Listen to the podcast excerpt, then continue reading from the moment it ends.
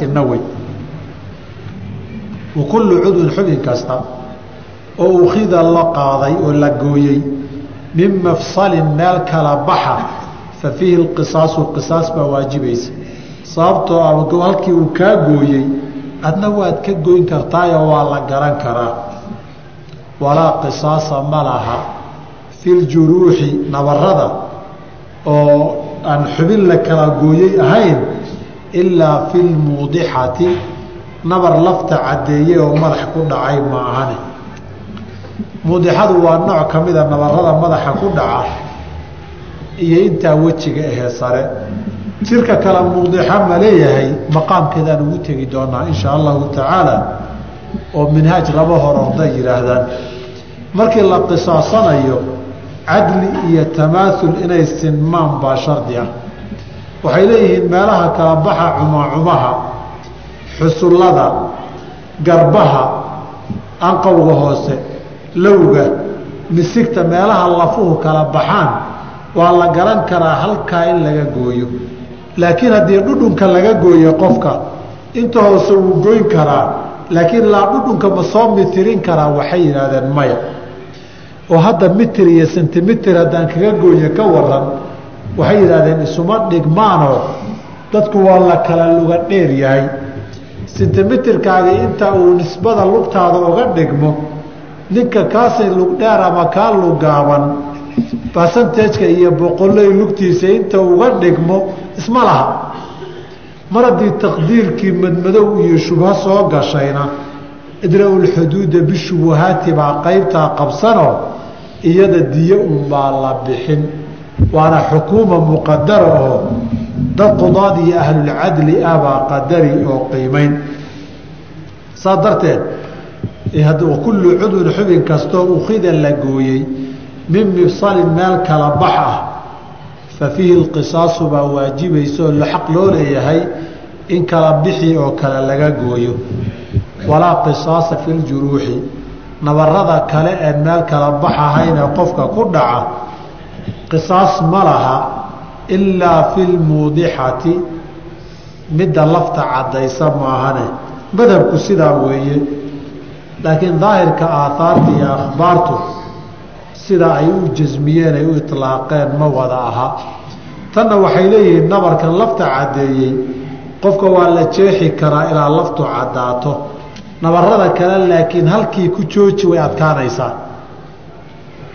laakiin waxaa sugan aahaarta in dharbaaxada layska qisaasi jiray oo ninkii nin dharbaaxa soo istaag intii la yidhaahdo adna isula baaciyo.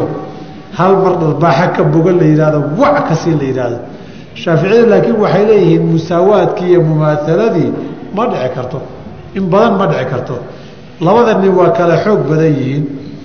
Gacantii intii la baaciyey baa kale xoog badnaanaysa nin nin ka yar gabanayo ku dhacda iyo nin nin u taagan oo isu bilayna isku qadar uba dhacdaa dhici karta. Marka mumaahaladii dulmi iyo tacadii baa imane inaga daaya halkaas shaaficiyadu ka eegayaan. Marka caawa halkaasaynu ku diirina allah subxana allah bixamdika ashhadu an laa ilaha illaa anta astaqfiruka waatuubu ilayk.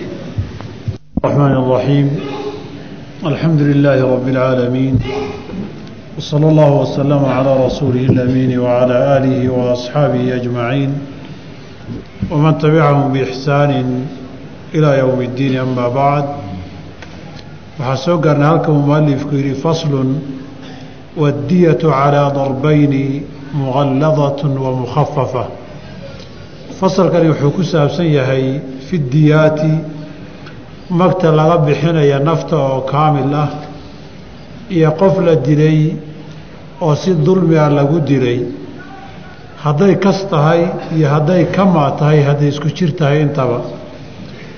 Iyo haddii qofkii aan la dilin laakiin xubnihiisii wax la yeelo lug iyo gacan iyo il iyo waxay noqotaba. Waxa laalay wixii dandhow ee sharcigu qoondeeyey buu fasalkan kaga hadlayaa mualifku raximah llahu tacaala. Waxaana uu soo hormariyey tii nafta kaamilka ahayd naftii kaamilka ahayd baa mar waxaa loo kala qaaday muslin iyo dad aan muslin ahayn. Dadkii muslinkaana wuxuu u kala qaaday rag iyo dumar.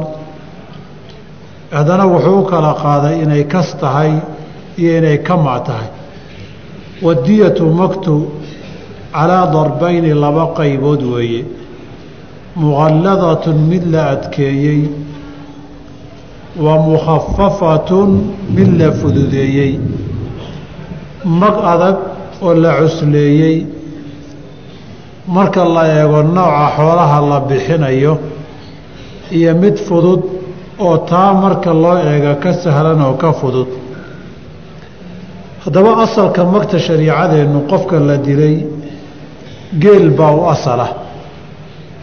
Wixii aan geel ahayn haddii geel la waayo ama dadkuba geel aanay lahayn waxaa la samaynayana wuu ka hadli doonaa mualifku raximahullah.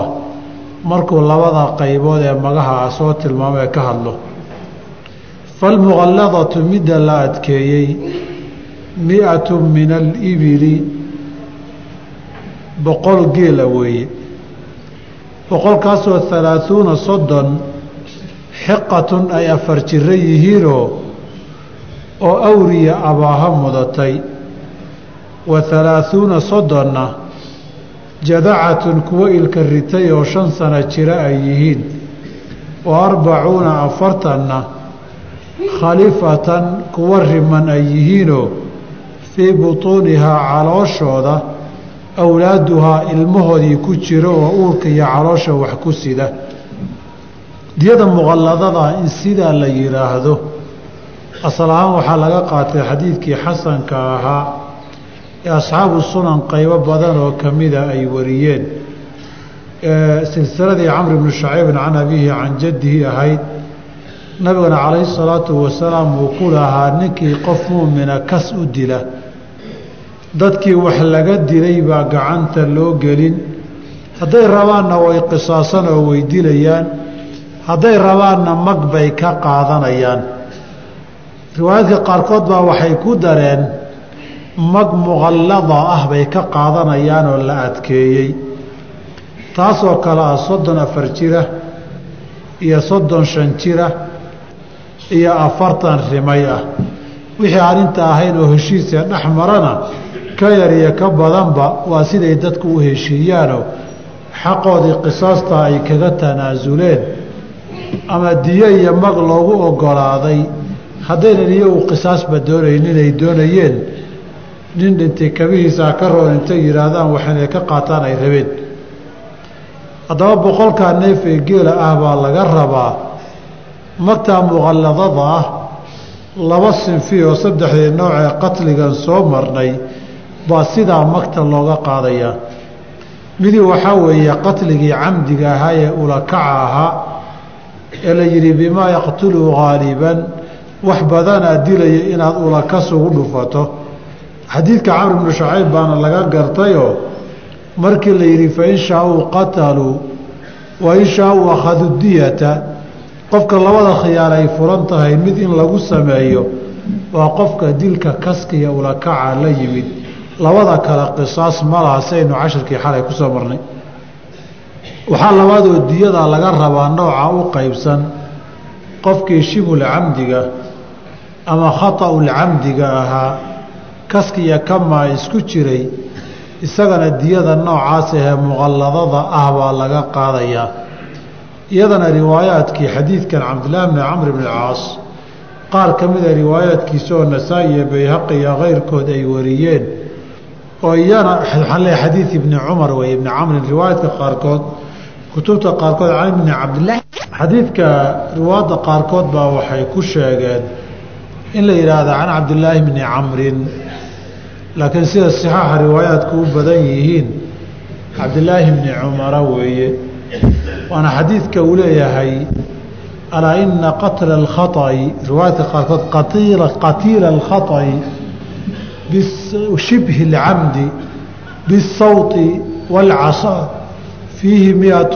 min alibili mugallada minhaa arbacuuna khalifatan fii buطuuniha awlaaduha dilka kaskiya kama isugu jira ama shibhul la yidhaahdo waa wixii ul iyo wax lamidoo qofka loogu qasday in lagu dhufta uu dhintee mag baa lagu leeyahay boqol mag baa lagu leeyahay boqol geela.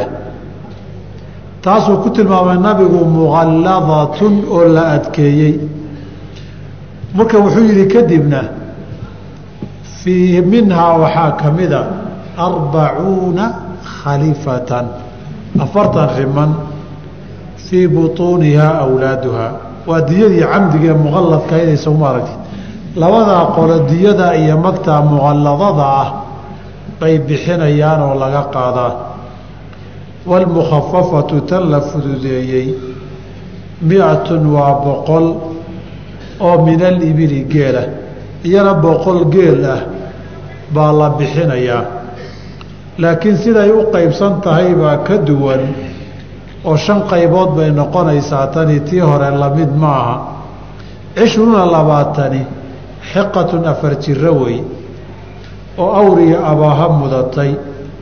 Wa cishruuna labaatanna jadacatan oo ilka ritay ilka ridadkana shan jirkii weeye wa cishruuna labaatanna binta labuunin inahoo iyo caanoley bay yidhaahdaan oo da-dii ka dambaysay baa dhalatay oo sida qaalibka ah hooyadeed ku irmaan saddex jir wey.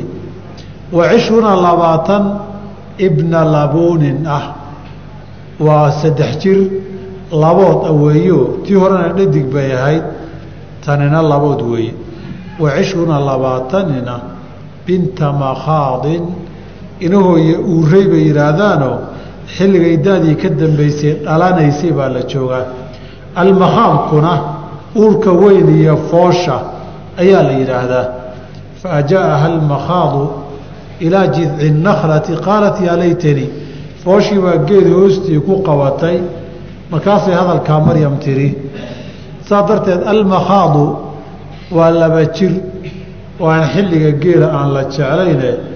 La yidhaahdo geelaa qurquruxda badaneed aragtay geel laba jir soo wada mar.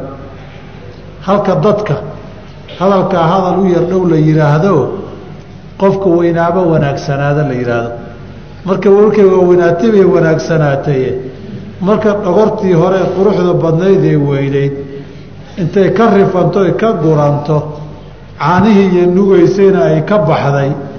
Tii yaryaraydna aynan soo wada bixin meella mid weyn kaga taalla meella ay go-day dhowr isqabsatayna ayna lahayn ee jirkiina madmadow ka muuqdo markaas lama jecla. Bintu makhaadin baa la yidhaahdaayo waa laba jirka. Shantaa qaybood oo min labaatan ah baa laga dhigayaa bay yidhaahdeen. Cumuuman mas'aladan iska bacd al aathaar maahane inta aan ogahay wax asaxay oo nas oo marfuucoo loo daliishaday ma laha saa darteed bay culimmadii taabiciinta iyo aathaarta laga soo guurinayaay qaabka loo qaybinayo waxoogay aaraa kala duwan ay leeyihiin. Laakiin sidan ay jamhuurtu qabaan waxa ugu dhoway u daliishadeen waa athar ibnu mascuud laga warinayo qaarkoodna marfuuc ay ka dhigayaan. Kaasoo shantan u qaybinaya markii ay mag tahay. Inkastoo intaan ogahay labada ariiqee uu leeyahay ee labada ariiqa inta anugu aan arkay aanay midna asixin. Midna waa ariiqa la yihahda xajaaj ibni arطaata can zayd ibni jubayrin can xashaf ibni maalikin can ibni mascuudin. Oo silsilo sanadkeedu dacfi isdaba yaalla uu yahay laga bilaabo. Ninka la yidhahda xajaaj ibni arطaata oo dacfu lxifdi iyo tadliis qaab daran lagu yaqiinay iyo sheekhiisa zayd ibni jubayr almajhuula iyo xashaf ibni maalikin oo isna sidoo kale daciifa. Laakiin ariiqa ugu fiican ee lagu wariyey waa ariiqa abi cubaydata bni cabdillaahi bni mascuudin can abiihi. Cumuuman ariiqa rijaashiisu waa hiqaade waxaa halkiisa cillo ay tahay inqiaaca abuu cubayda aanu soo gaarin waxna ka maqal xadu waxdaa wax kaga maqla kuma gaarin aabihii cabdillaahi bni mascuud radi allahu tacaala canhu wa ardaah maadaama uu riwaayo badan yahay culimmada qaar ka mida xadiidkiisa xasan bay ka dhigaanoo waxoogay tasaahul lagu tilmaamo. Oo inta ugu dambeysay uu ka mid yahay alcalaama axmed maxamed shaakir markuu riwaayaadka abi cubayda can abihi soo maro taxqiiqa tirmidi iyo musnadu axmed iyo keyrkoodba isagu wuu tasiixiyaa riwaayadan bay jamhuurta fuqahadu u daliishadeen oo qowlu mascuud aho walaa yuclamu lahu mukhaalifu min asaxaabati halkaa ay la maraan. Taasay u cuskadeen culimmadu raxmat ullaahi calayhim. Fa in cudimat ilibilu geelii haddii la waayo oo dadku waa dad reer magaala magaalo nin jooganee dahalama geel ma keeni karo. Ninkii geel loo soo xareeyana geel xerada loogu soo xareeyana maanta caawa ninkii islii geel loogu keeno caawa meelay u galbataba ma hayo. Caawa meelaad ku xaraysaba iyo meelaad ku bariisaba heli maysa adigu mayba naftu kaaga bixi celcelintiisa iyo waardeyntiisa haddaba haddii geel la waayo ama meesha dadkuba geelley maaha waa iska beeraley waa lo-ley waa adhiley ama waa dadkaa magaalada ee waxay ku xisaabtamaani shilinka iyo lacagta uu yahay fa in cudimat ilibilu geel haddii la waayo untuqila waxaa loo guurayaa oo looga wareegayaa ilaa qiimatihaa qiimaha maanta ay suuqyada ka joogto baa la qiimeynayaa samcaadka muslimiinta qaar baaban geelba arag weligood niman turkiya waxaan ka dhaadhicin weynay geela hilibkiisu xalaal wey wuxuu ku leeyay geela haddaad cunaysaan hilibkiisa doofaarkana baa iska cuntaan. De isaga maba u kala duwanaba geel iyo doofaar waxaba uma kala ahaba intaadan turkigaba gaarin. Soomaalideenna lafteeda meelo geela laga riwaayadaysto oon hilibkiisa ayagoon laga cunin aan ogaan jirin inkastoo hadda la bilaabay. Ba waxaan garanayaa odayaal soomaaliyeed nin lixdan jiray baa wuxuu igu yidhi geel madaxii markaa arka luquntiisa mantag baa i qabta.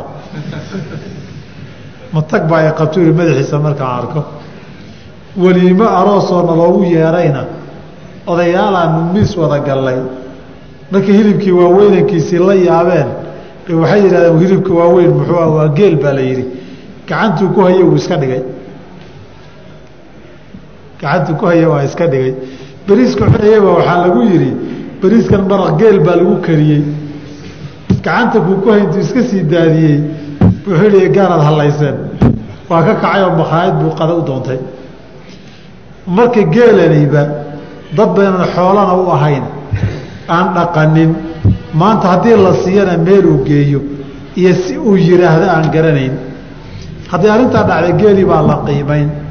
Geela da-daasa soddon iyo soddon iyo afartana ama se shan jeer oo min labaatan qiimaha uu suuqa ka jooga midka qaali iyo midka raqiiska isku celceliyo qiimaha dhexdhexaadkee uu marayo intay dooni ha gaarto ama qaali ha noqdo ama ha jaboo suuq la'aani ha jirto wax kataba ha la waayo qiimaha maalintaa uu marayo baa loogu qiimeynayaa adaa huwa saxiixu.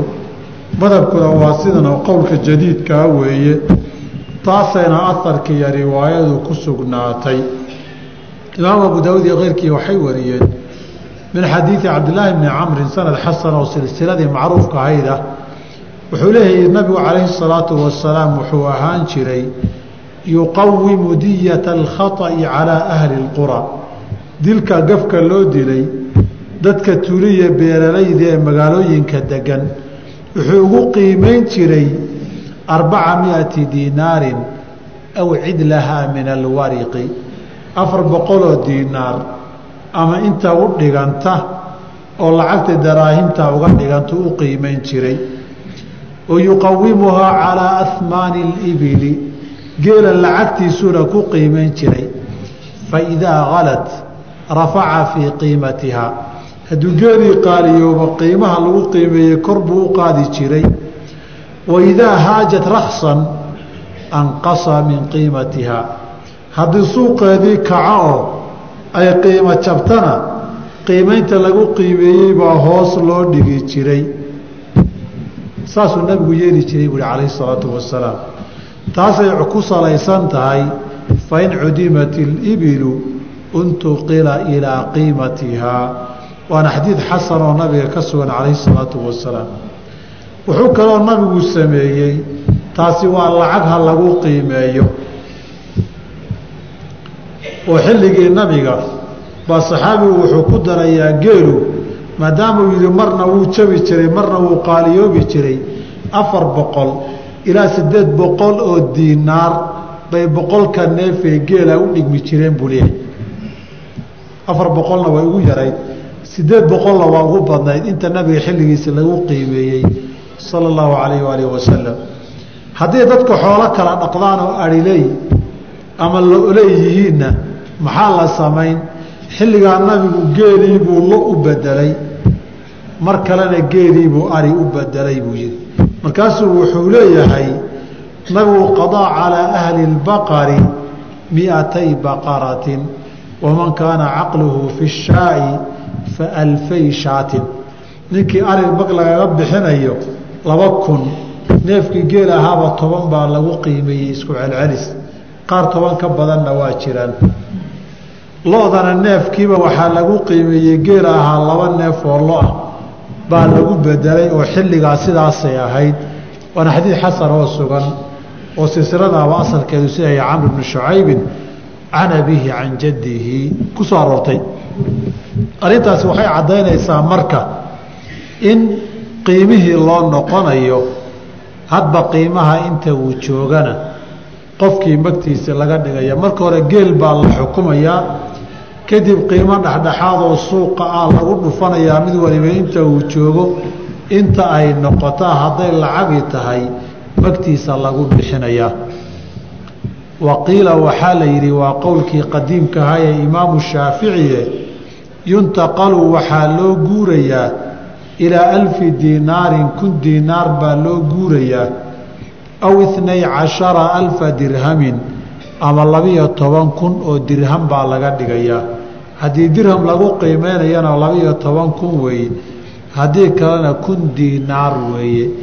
Asalkaasi kaasi waa xadiid ibnu cabaas laga wariyey oo imaamu tirmidi ibnu maajah iyo keyrkood wariyeen oo uu leeyahay nabigu jacala diyata itnay cashara alfan. Labiyo toban kun buu nabigu magta ka dhigay laakiin sanad ahaan ma sugno oo sanadkiisu daciif weeye maadaama kani uusan sugneene kii qiimaha ahaa sugan yahay qowlka hore jadiidka madhabkii oo raajixa kaasaynu qaadan. Wain hullidad haddii la adkaynaya magtii mukhafafada ahayd ziida calayhaa waxaa lagu darayaa athuluثu saddex meelood meel baa lagu dari.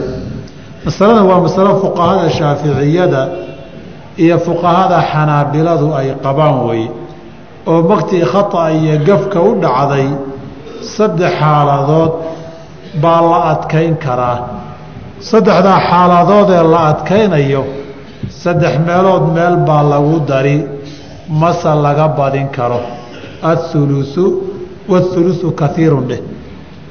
Saddexdaa xaala waxay yidhaahdaan saddexda uu soo wada weeye oo wuxuu yidhi watuqalladu waa la adkeeyaa diyatu lkhaطa'i gafka magtiisa waa la adkeeyaa fii halaaثati mawaadica saddex meelood ama saddex xaaladood baa la adkeeyaa oo hulus lagu daraa midda koobaadi idaa qatala qofku haddii uu wax dilo filxarami xaramka uu wax ku dilo midda labaadna aw qatala uu dilo fi lashhuri اlxurumi bilaha xurmada leh aw qatalata saddexaad ama uuba dilo daa raximin mid raxim iyo xigto oo maxramin u ah qof maxram iyo xigto hoose ah inuu dilo magta laga qaadaya gaf iyo qalad bay kaga dhacdaye isaga uma wadin laakiin waxaan la galay dembigii nafna waa la gooyey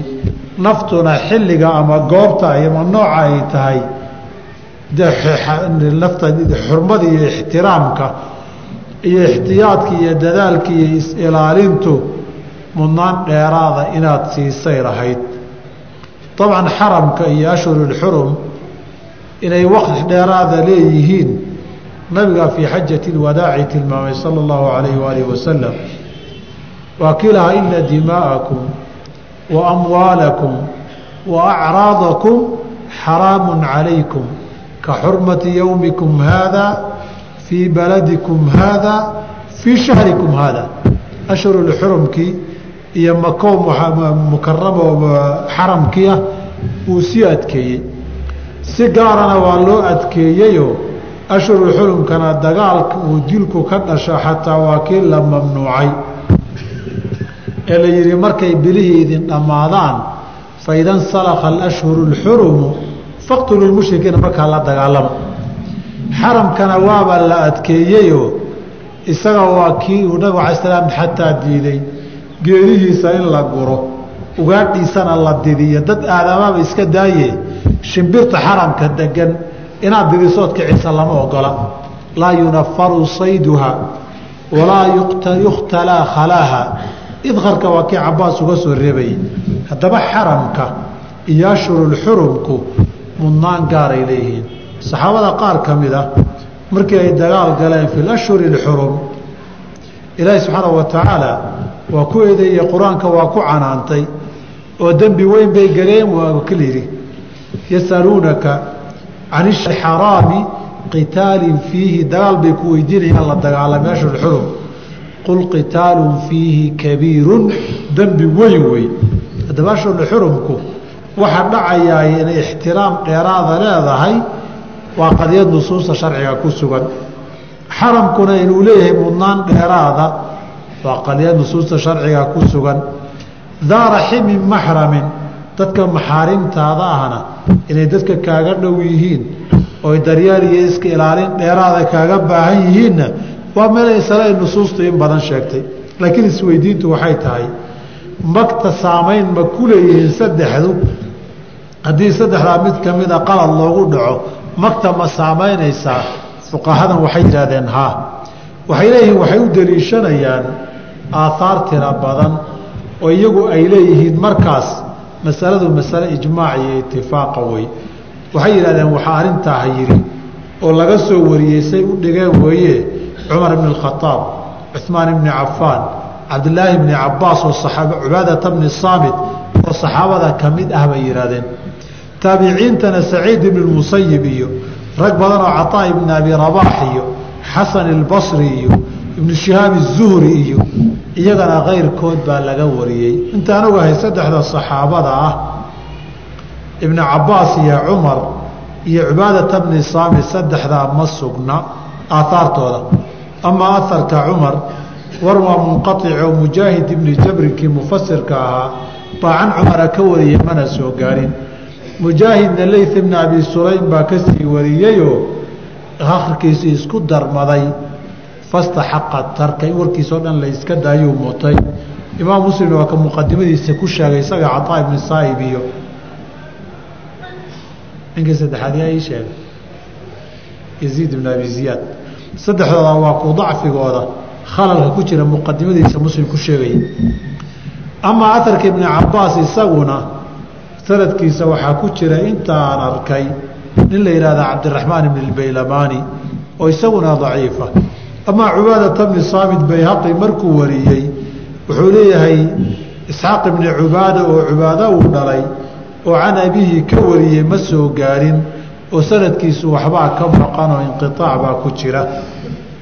Amaa aharka cuhmaan yushbihu inuu asaxu shabahaa imaamu shaaficina waa wariyey duruqda riwaayaadkan in badan oo ka mid ahna alxaafid alfaakihi baa fii akhbaari makata baab wuxuu u sameeyey taqliidu diyati in la adkeeyo qofkii xaramka wax ku dila ama ashhurulxurumka wax sameeya isagaa aahaarta inta ugu badan iyo bayhaqi ayaa soo saaray ama aharka saciid ibn musayib iyo caطaa ibn abi rabaax iyo xasan ilbasri saddexdaa way ka sugan tahay waa la ziyaadin inay yidhaahdeen waxaa kaloo in la ziyaadiye ay ka soo aroortay oo isagana raggaa ruwaadee laga wariyey ka mida taawus ibni kaysaan.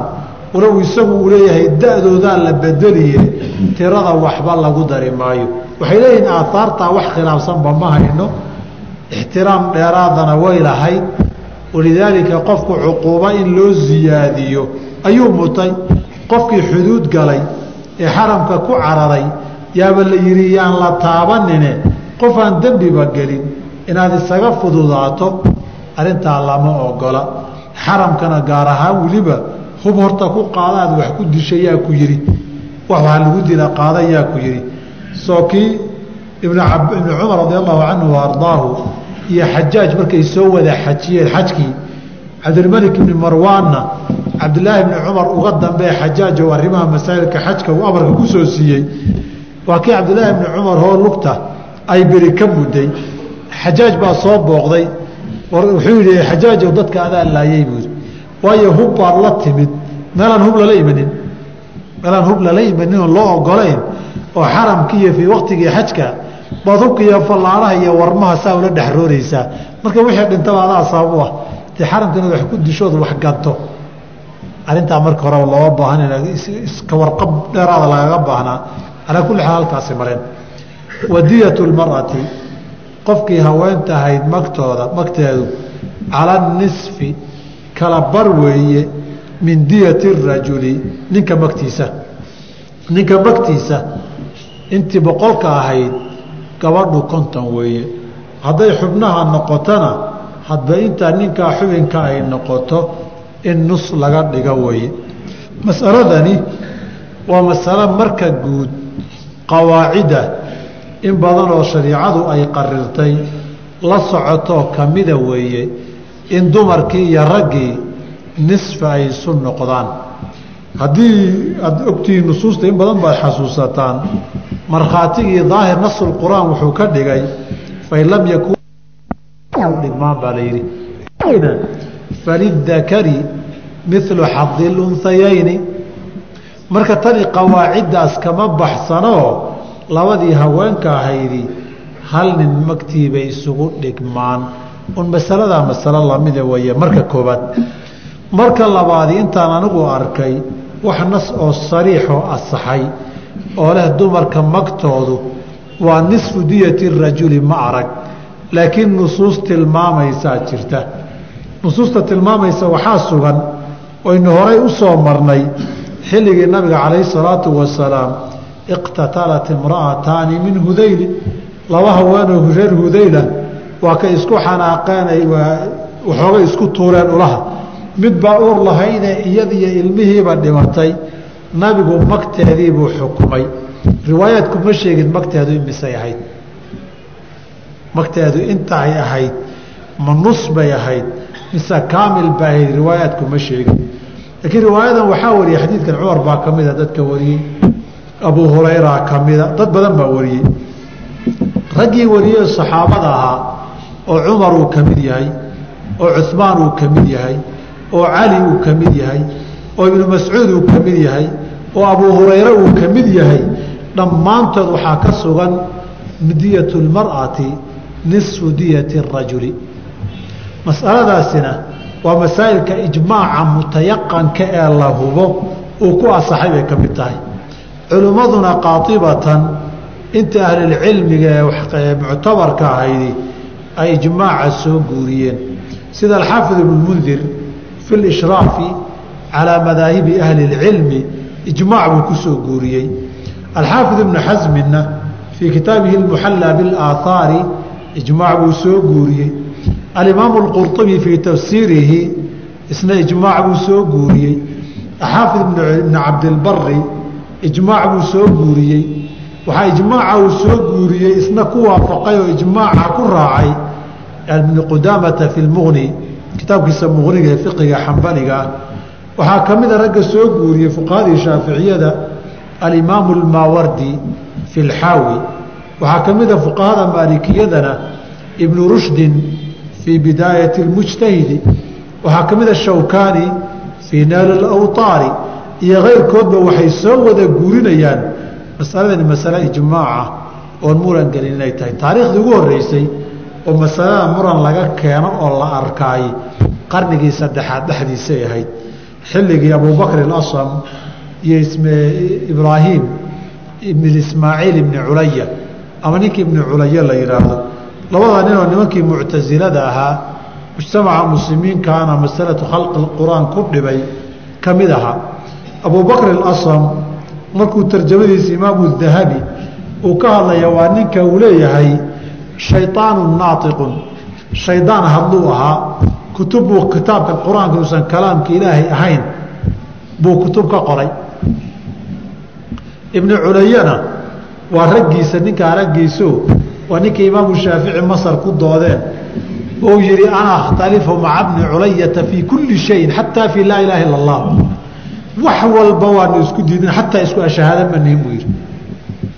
Markii la weydiiyey mar kale ka waranna waa nin dhumay oo dariiqa ka leexday oo dariiqyada masar buu fadhicay oo dadku lumiyaa uu yihi calaa kulli xaal nimankaasi hadda wax looga daydo oo laga daba socdo male waxyaabaha ari cajiibka waxaa ka mid a doctor cabdikariim zaydaan almufasal fii axkaami اlmarأati wاlbeyd beyti اlmuslim aada wuxuu ugu dadaalaa aya khilaaf yaroos meel ka helo xataa shiicana ha noqdee inuu soo guuriyo masalada wax khilaafoo la taabto macnole uu soo guuriyo waa waayayo halkii ijmaacaadku iska maray isaga laftiisii marka masaladani masale muran geli karta ma aha laakiin waayahan dambe nin maxamed alghazaali la yihaahdo waa kitaabkiisa alsunnatu nabawiyatu bayna ahli lfiqhi wa buu warkii soo dhabaandhabay ibnu culaye iyo abubakr alasam warkoodii buu soo dhabaandhabay qolyo waxoogay iska xaabagurato oo soomaali ahna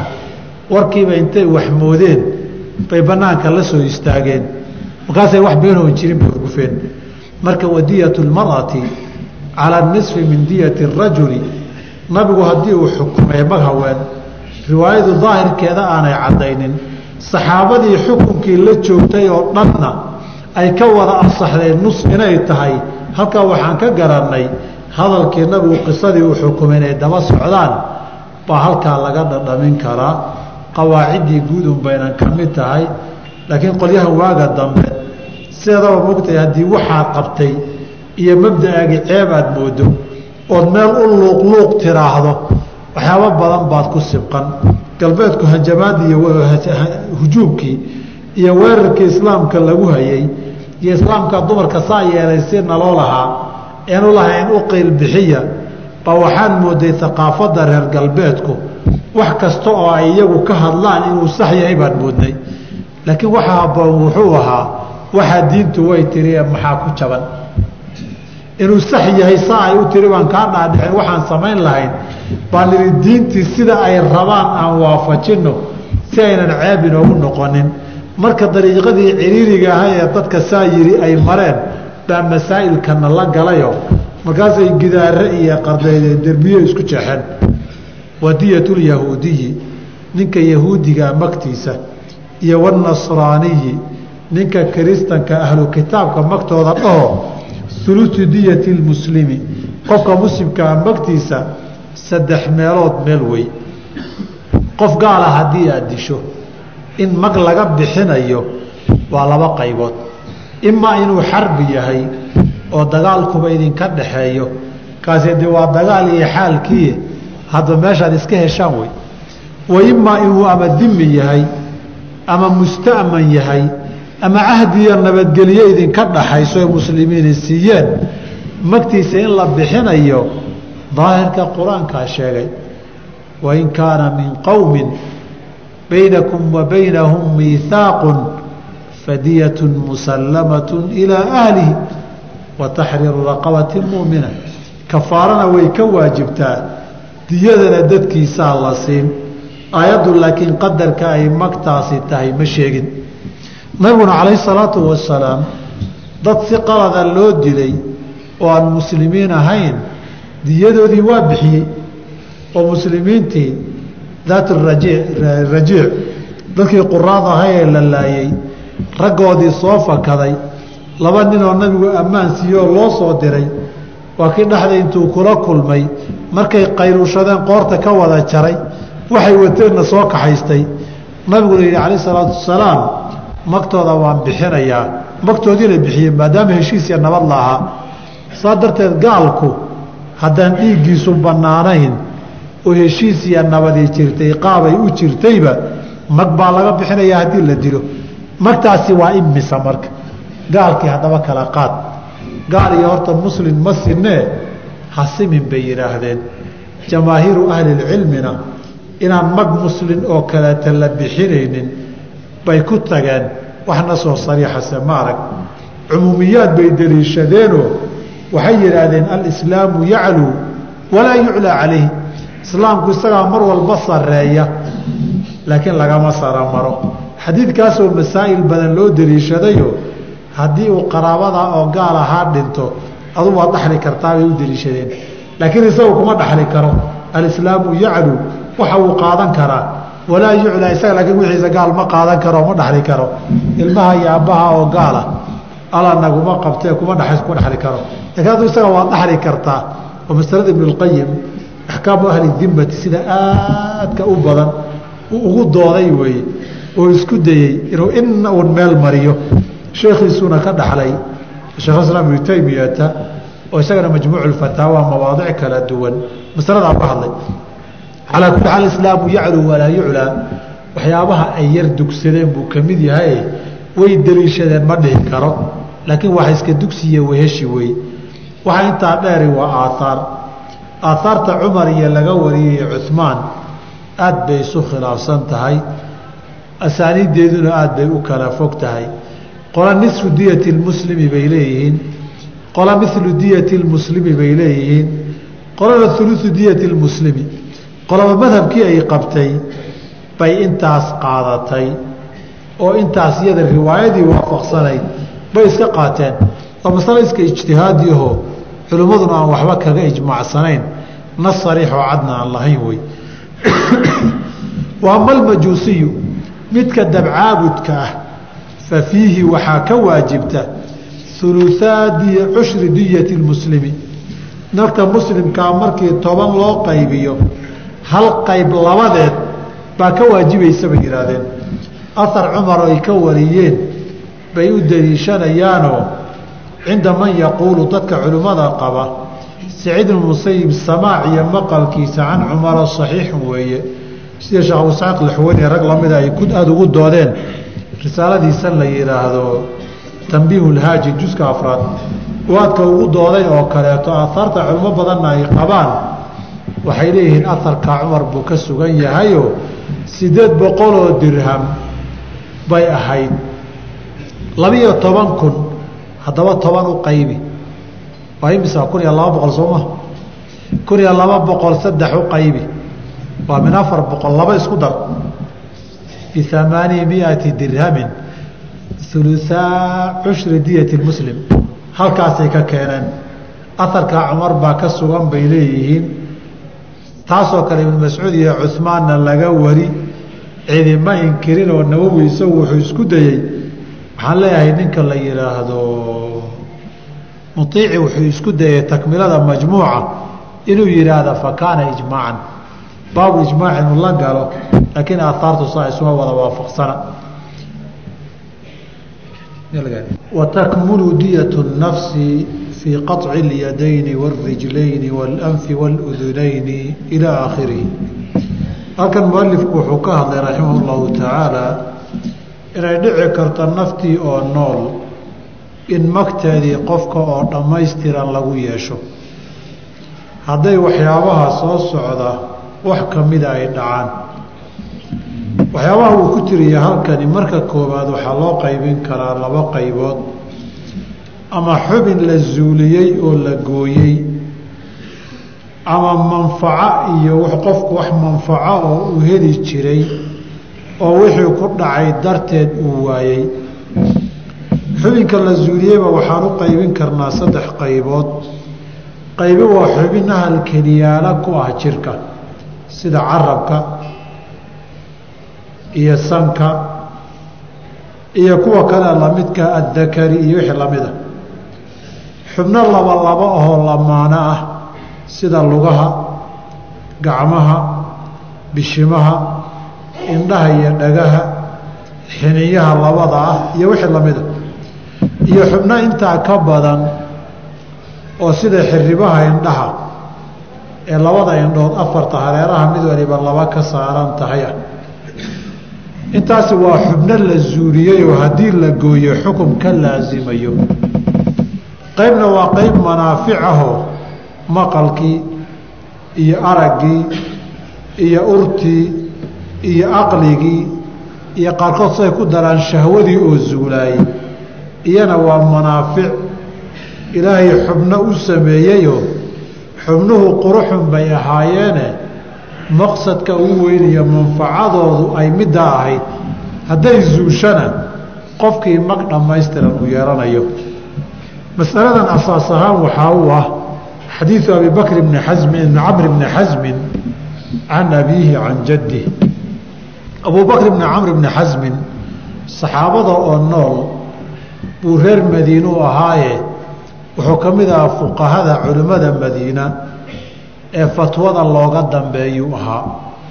Kitaab haddaba wuxuu soo guuriyey aabbihii camr bni xasmin loo dhiibay oo magta iyo waxyaabaha qadaran oo dhan nabigu intuu u qoray reer yaman sala allahu calayh aalihi wasalam loogu cadaynaya iyaga axkaamta.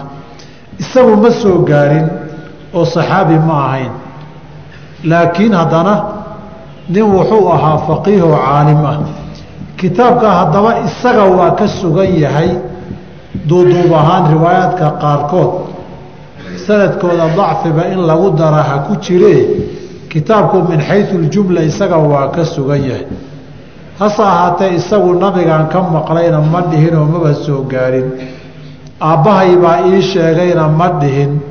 Ee waxa uu leeyahi kitaabkan waa kii nabigu qoray. Halkaasay culimmadu isku qabteen raxmatullaahi calayhim. Qolo tidhaahda inqiaac baa ku jiroo ninkan saxaabi ma aha. Ee taabici wey maadaama taabici uu yahay waa mursal sanadkiisuna haba asaxo qolada sidaa tiri waxaa ka mida u dambeeyey rag u dambeeyey sheekh naasir laa yamasu lqur'aana ilaa aahirun xadiidka markuu ka hadlaya irwaa khaliilka mursalun saxiixu isnaadi buu leh bimacnaa camr abubakr bni camr bni xasmin saxaabi maaha aabbaan ka maqlay iyo nabigaan ka maqlayna ma dhihine kitaabka nabigaa qoray buu yihi hadaa mursal wey culimmada qaarna dhan kale ay ka eegeenoo baabu riwaayati bilwijaadati waxa la yidhaahdo bay u leexiyeen. Culimmada fuqahada muslimiintuna talaqii bilqabuuli bay sameeyeen. Oo aktarka masaa-isha kitaabka abibakr bni camr bni xasmin uu soo wariyey ku soo arooray boqolkiiba siddeetan ijmaac wey. Sidaa ay riwaayadu ugu soo aroortay baa lagu ijmaacay.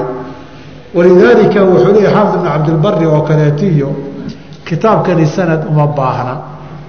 Ummadda dhanoo talaqii bilqabuuli samaysay baa yuqni can ilisnaadi isnaadka iyo sanadka hal raawi wax lagu wariyana ummadaasoo culummadeedii fuqahadeedii muxadisiinteedii mufasiriinteedii isku wada jiraan. Baaba qabuul wada aqbashayba suu yahay u qaadatay. Wixii abubakr bni camr bni xasmin ka asaxee gaara. Mar hadday sidaas tahay fuqahada jamaahiirtood iyagu waxay leeyihiin masaladan masale asaaniidda ka saraysoon uma baahnayn wey walidaalika fuqahadu maba isweydiiyaan. Haddiiba kitaabkii camr abubakr camr bni xasmin kitaabkii uu soo wariyey bay ku taallaa la yihi saasay mareen muxadiinta qaarkii u qiildayeyna baabulwijaada waxaa la yidhaahdo oo wajadtu bikhai fulaanin. Sixo lagu magacaabay oo uruqda taxamulka ee saxiixa ah bayagana dabada u geliyeen oo qoorta u geliyeen abubakr bn camr bni xasmin calaa kulli xaal ilaahay waa ka badbaadiyey laakiin raggii dagaalkii xarro galay buu ahaa. Waqcatulxara oo yaziid ay casileen reer madiina. Afaroo ah sikaaru saxaabaana ay ka mid ahaayeen cabdillahi bni xandalat alkhasiiliyo cabdillaahi bni zaydin ay ka mid ahaayeen. Isagu wuxuu ku jiray raggii u weynaayay cuskanayeen ay lahaayeen faqiihi madiina iyo mufti diyaari baa nala socdeen sow ma aragtaan oo dagaal xaqaad ku jirtaan ee dagaalama yidhi. Laakiin dagaalkiina kuma dhiman. Markii dagaalku dhammaadayna ninkii marwaan ibnu xakam ahaa baa yaziid ibnu mucaawiya si gaara uga ergeeyeyo amar degdegoo waxaa yimid ninkaa lama hadli kartaan. Marka abubakr ibni camr ibni xasmi nin saa looga dambeeyo aada loo ixtiraamu ahaa xataa qoladii dowladdahayd ee la dagaalameen maqaamkiisa iyo makaanadiisa iyo cilmigiisa way yaqiineen. Oo xataa dagaalkii hadday nimankii ka adkaadeen dadka aclaamta een la taaban karin baa lagu daray raximahu llahu tacaala waradiya canhu. Haddaba intan meeshan ku qoran inta ugu badani xadiidka abibakr bni camr bni xasmin bay ku asaxday oy ku sugan tahay isagu markaa ama mursala daciifina aan ka dhigno ama aynu tasiixinoo talaqiga iyo wijaadada baabkeedii siday fuqahada qaatibatan u mareen aynu marno wa takmulu way dhammaystirantaa diyatu nafsi nafta magteedu fii qaطci اlyadayni labada gacmood haddii la gooyo midba waa kontone qofkii oo nool oo socda baa magtiisii oo dhammaystiran lagaa rabaa. Masalada fuqahadu waa masale ay isku wada raacsan yihiin xadiidkii camr bni xasmina ku jirtay warijlayni sidoo kale labada lugood oo mid waliba waa konton haddaba xubnaha sidan oo kaleeta lamaanaha ah. Magtii oo isku darkoodana magtoo dhammaystiran ay ka waajibto labadoodaa sinaan loogu qaybiyaayoo mid haddii wax la yeelo nuskiibaa waajiba. Gacantuna ama adigu cumaacumta ka goo ama xusulka ka goo ama garabka ka goo in yar iyo in dheer midaad goysaba horta nisfu diyihii gacantu way leedahay. Laakiin cumaacumta wixii ka koreeya xukuuma la qadaroo ganaax kale ama lagugu leeyahay mise nisfu diyihiin bay ahaan culimmadu waa isku yar qabteenoo xadiidkana kuma cadda. Saa darteed xadiidka wafi lyadi lwaaxidati nisfu diyati baa ka mid ahaa halkii gacan nus hadday yeelato boqolkiiba konton tii kalena boqolkiiba konton yeelato oo la ysku dara maxaa ka soo baxay? Boqolkiina ay dhammaystiran tahay wey. Labadooda waxaa lamida qaybaha inoo iman doona ee labalabada xubina magtii unbaa labadaa loogu qaybin. Walanfi iyo sanki. Sankana waxaa weeye haddii la wada gooyo isagana mag dhammaystiran baa laga rabaa. Laakiin haddii la qaybiyo ma qaybsamaa sanku waxay yidhaahdeen sanku marna xubin keliya weeye. Marna isaga laftiisii sida gacantuba fara ugu qaybsanto oo iyada oo ahayd konton neefoo geela faraheedii ay mag u yeelanayaan oo toban toban u noqonayaan sankana saddex qaybood weeye labada dhinac iyo xaajiska kala xiree dhexda ku yaalla. Intaa waxay yidhaahdeen fuqahadu way isku qabqabteene sida ugu dhow saddex ugu qaybi. Oo dhinac haddii la jeexo oo la gooyo magtii saddex meelood meel wey. Haddii dhinaca kale lala kacana saddex meelood meel weeye inta dhaxa haddii laysu furana saddex meelood meel wey.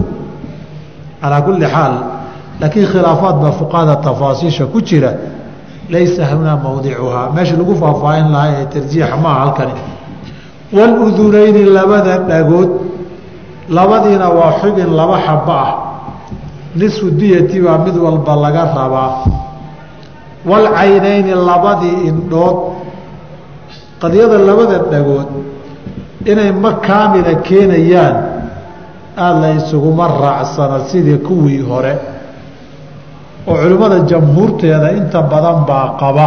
Maalikiyadaa qaybo ka mida waxoogay dooda ka keenay. Walcaynayni labada indhood mag inay ka waajibaysa labadabana fuqahada intaan ogahay muran kama jiro. Waljufuuni xiribaha alarbacati ee afarta ah. Ishu laba hiliboo timaha leh oo kor iyo hoos ka daboolay leedahay. Oo markaad isku qabanaysa isqabta aljufuun kuwaasaa la yidhaahdaa. Ishani magteedu waxay ahayd konton laba hareeraheeda ah labadii u qaybi kontonkii waa min shan iyo labaatan. Ta kalena labadeedii u qaybi min shan iyo labaatan waljufuuni alarbacati afarta xiribood haddii laga gooyo oo qofkii intii laysu qabqabto indhaha un hareeraha laga diiro ma kaamiloo dhamaystiran buu leeyahy nimanka kashaladana inay suuxiyeen baan u malay qofka isha waxunbaa gaari lahay. Walisaani xubnaha halhalka ah waa kuwa buu ka mid yahay. Carabku waana masalo fuqahada ay isku waafaqsan yihiinoo aan muran badan ka taagnayn. Intaan ogahay muran ka jirin. Haddii ninkii carabka qofkii la gooyo dee magtiisii oo kaamila ka waajibi magtii naf la gooyey ka waajibi lahayd hadday boqol ahayd iyo hadday konton ahaydba. Washafatayni labada bishimood ee afka qariya. Labadii bishimood manfacana waa leeyihiin. Muuqaal quruxsanna waa leeyihiin. Inta kalena carabku waa la mid xiribuhu waa la mid indhuhu waa la mid. Muuqaal iyo quruxna way leeyihiin. Oo qofkii quruxdiisay ka qayb qaataan manfacana way leeyihiin saas darteed haddii labada bishimood qofka laga gooyo waa boqol neef oo geela. Haddii mid la gooyana waa konton. Haddii midda qayb la gooyana qiimeyn intii kontonka kaga soo hagaagtay wey wa dihaabu lkalaami in hadalkiiba ka guuro. Ninkii qofkii nabar baa lagu dhuftay markiibaba hadal ugu dambeysay. Hadalkiiba waa ka zuulay. Isagana mag dhammaystiran waa manaaficda haddii la waayo mag dhammaystiran laga la helayo wey saas darteed qofka hadliba waaya oo waxna sheegan karin waxna ka sheegan karin waxna caddaysan karin qofka sidaa gaarayey qof dhintay oo la dilay buu la mid yahaye magtiisaa la siin. Cumarna saasuu xukumay bay yidhaahdaan aathaar kale iyagiyo kuwan manaaficda ahee kale halkan ku yaalla wa dihaabi lbasari araggiibaa tegey. Qofka nabarkii aada ku dhufatay indhihii buu beelayba indhihii iyagoo cad hiliba meesha iyo qanjira waa ku yaallaan. Laakiin waxaba ma arkaba. Wa dihaabi samci maqalkiibaa ka tegey. Oo maalinkii nabarkuu ku dhacay baaba wax maqal ugu dambeyso waa dhagabeelay qofka sidaasoo kaleetaana mag dhammaystiran buu leeyahay wa dahaabi shammi urtiibaa ka tagtay. Urta qaalinimadeeda fiiri. Haddii qofkii wax ku lagu dhufto oo inuu wax gudgooniya qalmuunba urteedii maalinka ay ugu dambayso magtiisii buu leeyahay oo dhammaystiran in boqol iyo konton midkay ahaydba rag iyo dumar gacanta laga saaro. Wa dahaabi alcaqli in caqligiiba ka tago qofkii caqli iyo maskaxaanba isku dhex yaaco nabarkii lagu dhuftay meel kastaba ha laga dhuftee nabaradan badankood nabarada madaxa iyo neerfayaasha ku dhaca baabayay u badan yihiin. Calaa kulli xaal nabarkii haddii uu manaaficda shanta laga sheegay ay manaaficdii oo dhan zuusho. Deeana qof dhintay buu la mid yahay.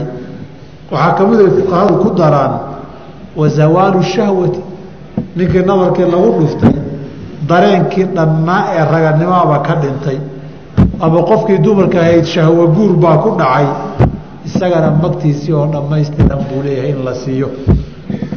Wadakari qofkii ninka ahaabaa dakarkii la gooyey. Waa laga soo jaray. Jabba madaakirahudii aan soo marnay xalay oo kaleeto wey. Isagana mag dhammaystiran buu leeyahay. Waa xubin keligii ahay. Waalunhayayni labada xiniyood haddii la gooyo raayaha la jarana. Isagana mag dhammaystiran buu leeyahayoo de xinin saddexaadi ma jirtee magtii labadan u qaybi intaasi waa min xayu ljumla guud ahaan isku soo celceliyo intii ku soo aroortay xadiidkii iyo kitaabkii abi bakr bni camr bni xasmin raximahu llahu tacaala waradiya canhu. Waana waxyaabaha magta dhammaystiran waajibiye wey intaa wixii ka dambeeya waxaa weeye mag juz ahoo xubin intaa la soo sheegay aan ahayn. Xubnaha la soo sheegay mid baad halkaa ka faa'iidaysatay. Haddii xubnuhu laba laba yihiin mid hadduu tago qaybtiisii unbaa mag lagu leeyahay. Hadday afar yihiinna kii tegay qaybtiisii unbaa lagu leeyahay. Haddii midkii ka midka ahaa qayb ka mida ay zuushana intii isagoo dhan ka waajibaysay unbaa loo qaybin inta maqan iyo inta joogta. Saas darteed waa inaad qiimaysaan ood qadarisaan markii qadaa iyo xugun ay timaado ee laydinku celiyo dhakhtar la idiin diro ee xubinkan inta maqan iyo inta joogta boqolley u soo qaybiya basantage la idin yidhaahdo qadarkii aada xaqa u lahaydeen baa lagu ogaan karaaye arrintaas qaar baa ka warwareegi dadkoo maxaa naloo dhigi iyagoo ma iska qiimeeyaanku ku leehay manfacadii lafteedii haddaynan wada zuulin samcigii iyo basarkii oo qadar kamida taga fa bixisaabihi wey hadday boqol kiiba toddobaatan tagto boqol kiiba toddobaatan magtii buu leeyahay. Hadday boqol kiiba toban tagtana boqol kiiba toban buu leeyahay. Saa darteed araggii waa in araggii oo boqol kiiba boqol ahaa iyo araggii oo hadda jooga. Inta maqan boqoleyba waa in dadkii aqoonteeda lahaa ay soo qeexaan ay soo caddeeyaan. Markaa kadib wadaadku xukumi karaa laakiin wadaadka haddaad noqto aduu dhakhtar noqo oo ninkii qalabka haystay qiimeynayeen noqo dee wuxuusan aqoon baad rabtaa intaad qoorta u geliso. Qadaa calaa jahlin uu noqdo marka. Halkaa uu naarta dalaq ka yidhaahdo wadaadaduna markay wada celinayaan isagu wixiisa hawaaye intaa adugu naar ku geli lahayd isaga wixiisa hawaayaa kaaga ro waayo naftaaduna waa raasamaal. Qofkana wax u sheegtana ribix iyo faa'iido wey markaad raasamaal kaaga badbaadiso baad ribixa daydayi kartaa qofka sheeg laakiin ad adigiiba khatar isgelinayso dhaaf wey hadduu soo noqdo keli waayo maanta kadib waxay gu noqon inaad dhahda wey aniga anigaad rabtaa naar inaad igeliso sowmaa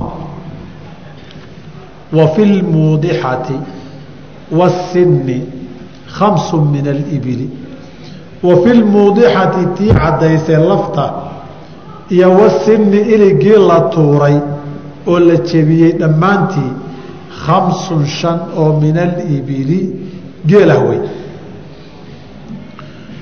halkan wuxuu ku leeyahay haddii gacantii konton ay ahayd aanan soo tilmaannay shanta farood midba toban weeye oo la yidhaahda suulka iyo faryaradu haadihi wa haadihi sawaaun sida xadiidkii ibni cabaas radi allahu canhu ardaaya saxiixa ah abu daawuud keyrkii wariyanahayd ilkihii u soo dhaadhac ilkuhu iligiiba waa shan iligii waa shan neefoo geela. Ama foolka hore ha noqdo ama gaws damba ha noqdo. Waase iligii hadduu wada jabo oo iligii uu jabo wey marka ma lafta caddeeyana waa wejiga iyo madaxa muudixa la yidhaahdaa waa nabar kugu dhacay oy laftii caddaatay. Isagana magtiisa haddii la rabo khamsun min alibili weeye. Waana xadiidka ibn cabaas laftiiso nabigeena calayhi salaatu wasalaam uu yihi walasnaanu sawaaun addirsu waathaniyatu sawaaun. Gawska iyo foolashu midba dhan buu ku manfaco badan yahay. Laakiin foolashaa wax dheer.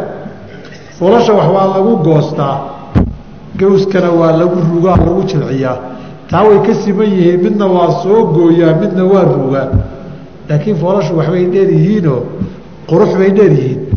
Gawskaaga hadduu maqan yahay inaad ba'aad u qosasho mooye kaa warqaba.